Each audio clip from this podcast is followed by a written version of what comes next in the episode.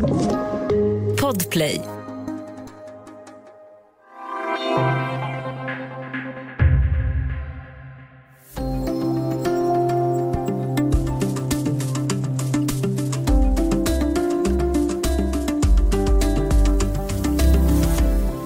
Nyår är champagnens högtid, fast numera är alla högtider champagnens. Försäljningen av champagne har mer än fyrdubblats i Sverige under de senaste 20 åren. Och för många är champagne det bästa i dryckesväg man kan tänka sig. Men bubblorna förändras och det beror på klimatförändringarna. Välkommen till Studio DN. Jag heter Sanna Thorén Björling.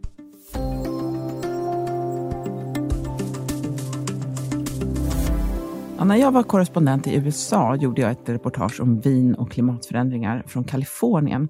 Där berättade vinodlarna om tidigare skördar, ökad risk för skadedjur och nya druvsorter. Vinproduktion bygger ofta på extremt noggrann kontroll av vinrankor, temperaturer och väderförhållanden och påverkas förstås också av den globala uppvärmningen. Och med oss för att prata om det här och om nyårsbubblorna så har vi idag Alf Tumble som är Dagens Nyheters vinskribent och författare till flera böcker om vin och dryckeskultur. Välkommen Alf! Tack så jättemycket! Du, om vi börjar med grunderna här. Eh, var ligger Champagne? Eh, I norra Frankrike kan vi enas om. Det är ju en region, men det är också ett sätt att göra vin. Eh, hur tillverkas eh, den här champagnen? Ja, man kan, man kan väl säga att det, de flesta blandar nog ihop champagne, att det är ett område och att det faktiskt också är ett väldigt stort varumärke för regionen och då är namnet på själva drycken. Så det är egentligen tre saker. Eh, och Det görs på ett sådant sätt som man har blivit kända för. Det finns till och med en metod som kallas för champagnemetoden, eller ja, den, den, den eh, metod som innebär att man jäser två gånger. Vinet jäser först en gång stilla och sen så jäser det en gång till på flaska, vilket gör att den får en speciell karaktär. Och eh, Den här metoden som du berättar om, den kan ju användas på vin som, också, som, som inte kommer från champagne. Ehm, kan du ge exempel på sådana andra mousserande viner som de många känner till? Ja, den här metoden kallas, eftersom inte alla vill kalla den för champagnemetoden, så kallas den den traditionella metoden.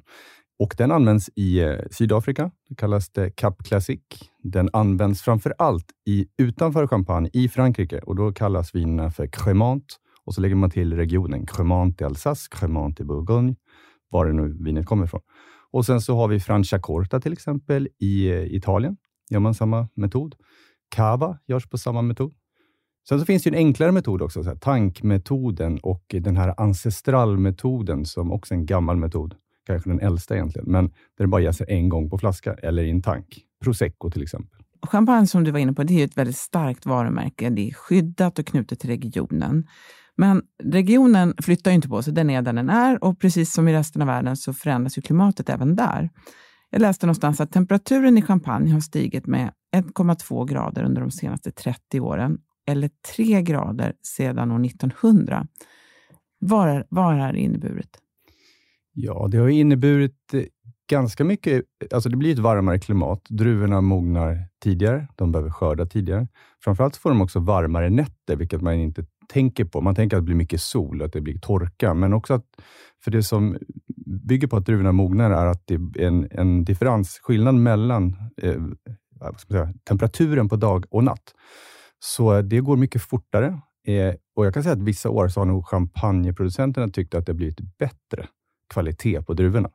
Så det är det ena. Sen så har vi då klimataspekten i det andra. Så det är lite två olika eh, saker, skulle jag säga. Dels så jobbar man med att eh, man tycker kanske att, fortfarande att man gör väldigt bra champagne. Eh, men samtidigt så måste man börja anpassa odlingen för, hur man ska, eh, för att druvorna ska mogna på bästa sätt. Mm. Det har, ju fler, det har varit fler värme, värmeböljor, en del rekordtemperaturer. Eh, och då, om man då, de mognar tidigare, det måste ju betyda att sockerhalten eh, ofta blir högre. Vad betyder det här? Och det påverkar syrehalterna. Vad betyder det för smak och doft? Eh, man vill ju åt liksom en så kallad fenolisk mognad i druvan. Och det innebär dels att den ska ha tillräckligt mycket socker, men också att hela druvan och hela druvklasen ska bli fullt mogen. Man, tänker så här, man vet att de norrländska jordgubbarna som hänger längst smakar oftast bäst. Och Det är lite det man vill åt. Och nu kortar man ner skördesäsongen och skördar tidigare. Och Då blir det lite stress i det där och då kanske man får en obalans i smaken. Eh, så att gör att, för man, man måste skörda tidigare för att de inte ska komma upp i för hög alkohol. Så jag tror att man man kanske kommer att se en halv procent mer alkohol på champagneflaskan. För det har aldrig varit ett problem. De ligger oftast runt 12, 12,5 procent. Eh, snarare än att de kommer att skörda dem ännu tidigare. Det här med att man skördar tidigare, eh, och ibland med flera veckor, vad, vad får det för konsekvenserna för producenterna? Då? Ja, egentligen kanske inte så mycket. De börjar ju ställa om. Eh, däremot så kan man göra väldigt mycket i vingården, själva vingårdsarbetet, för att druvorna inte ska mogna så här fort. Man jobbar, på engelska heter det canopy management, alltså själva bladverksarbetet. Att man liksom låter stora blad skugga druvorna så att de inte mognar, får lika mycket sol. Det är till exempel ett sätt som man gör. Och Ett annat sätt som man börjar arbeta med är också att man, eh, sen 15 år tillbaka, så finns det lag på hur tätt man får plantera och även hur tätt det får vara mellan vinrankorna, mellan raderna, vilket påverkar då hur mycket växthusgas som produceras. Men där är också två olika saker. Där jobbar man liksom för att hjälpa miljön och klimatet och samtidigt så vill man försöka göra så bra vin som möjligt. Så det är lite två spår där. Man försöker till exempel att göra lättviktsflaskor och för att det ska bli billigare att transportera och hålla ner utsläppen. Eh, men det är ju inte på något sätt att det blir bättre vin. Så det är liksom, de jobbar parallellt och de har, jag säger att de varit ganska sena på bollen jämfört med en del andra regioner. Man kan vila på sina traditioner där. Eh, Japp. Det blir också färre frostnätter om vårarna. Så är det i alla fall i Kalifornien, men det gäller ju även en här. Och Det gör att skadedjur överlever och man kan också få tidigare knoppar som sen inte överlever. Hur sårbara är vinrankor? Eh, väldigt sårbara, framförallt för frost. Så om man får frost, eh, det gäller inte bara champagne, men får man vårfrost så kan man förlora, man kan förlora hela skörden på det. det de kommer inte återhämta sig, det blir inga druvor då. Eh, så det är väldigt, väldigt viktigt. Och Det kan man säga att jämfört med i Sverige, där vi också odlar vin, där har vi druvor som då dels är svampresistenta, så kallade piwi-druvor, eh, som då, dels så, så tål de det här klimatet som gör så de tål frost, men det gör inte de här uh, ursprungliga då, Chardonnay, Pinot Noir och Pinot Meunier som vi har i Champagne. Men där gör man ett, också ett intressant arbete, att man håller på att man tar fram nya typer av druvor. Och Det finns eh, plantskolor där man tar fram och försöker liksom få fram att de ska bli tåligare. Och Det är också ett, eh, ett arbete som är för att liksom anpassa sig efter klimatet. Vi ska ta en liten paus och strax prata mer om framtiden för mousserande vin.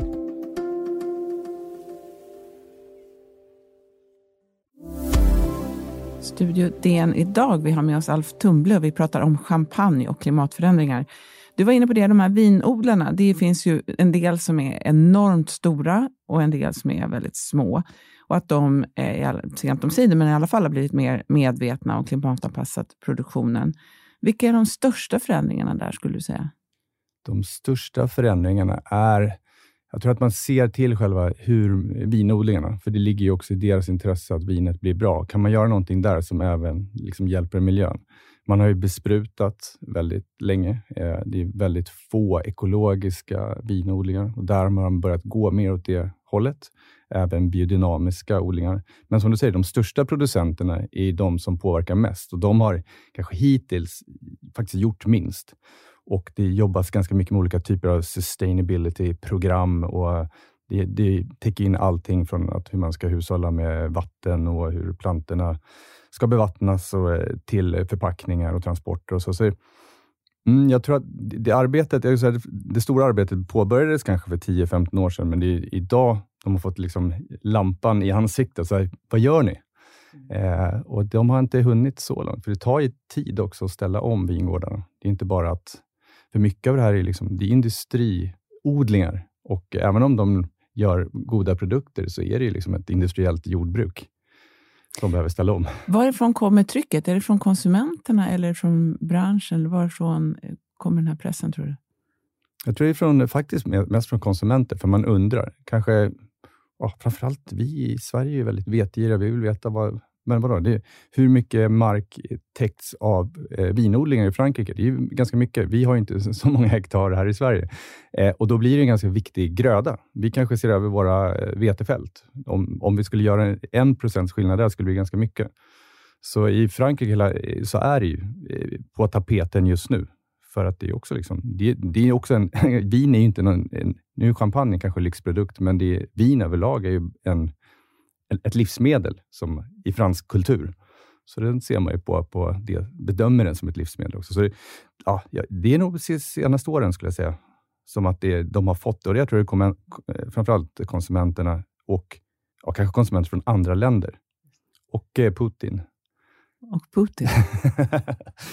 Nej, men hans eh, vill ju, han ville ju att champagne bara skulle få heta champagne i Ryssland. Det var ju väldigt konstigt när man får hybris. Ja. Då kan man få hybris. Eh, I champagne har man ju också hittat nya sätt att vidareutveckla vinerna. Eh, det påverkar ju också konsumenterna, för man märker vad som hamnar på hyllorna.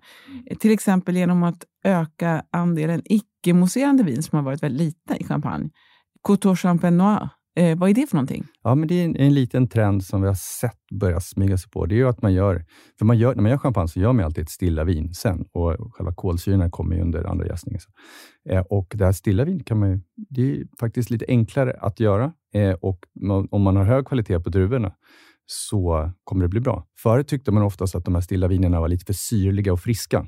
De, är inte liksom, de funkar att göra champagne på för det är så kallt klimat, men nu börjar de bli ganska trevliga. Eh, vinproduktion är, är, ju också möjlig allt längre norrut, eh, som du var inne på. Det finns ju även i Sverige och på högre höjder. Eh, du har ju skrivit en bok om det här till och med. Eh, Kanada blir ju allt större till exempel, men man ser också att intresset för bubblor ökar i Storbritannien. Det finns rätt mycket om brittiskt mousserande vin. Det där har jag provat någon gång. När, sen när blev engelsmännen bra på, på bubbel?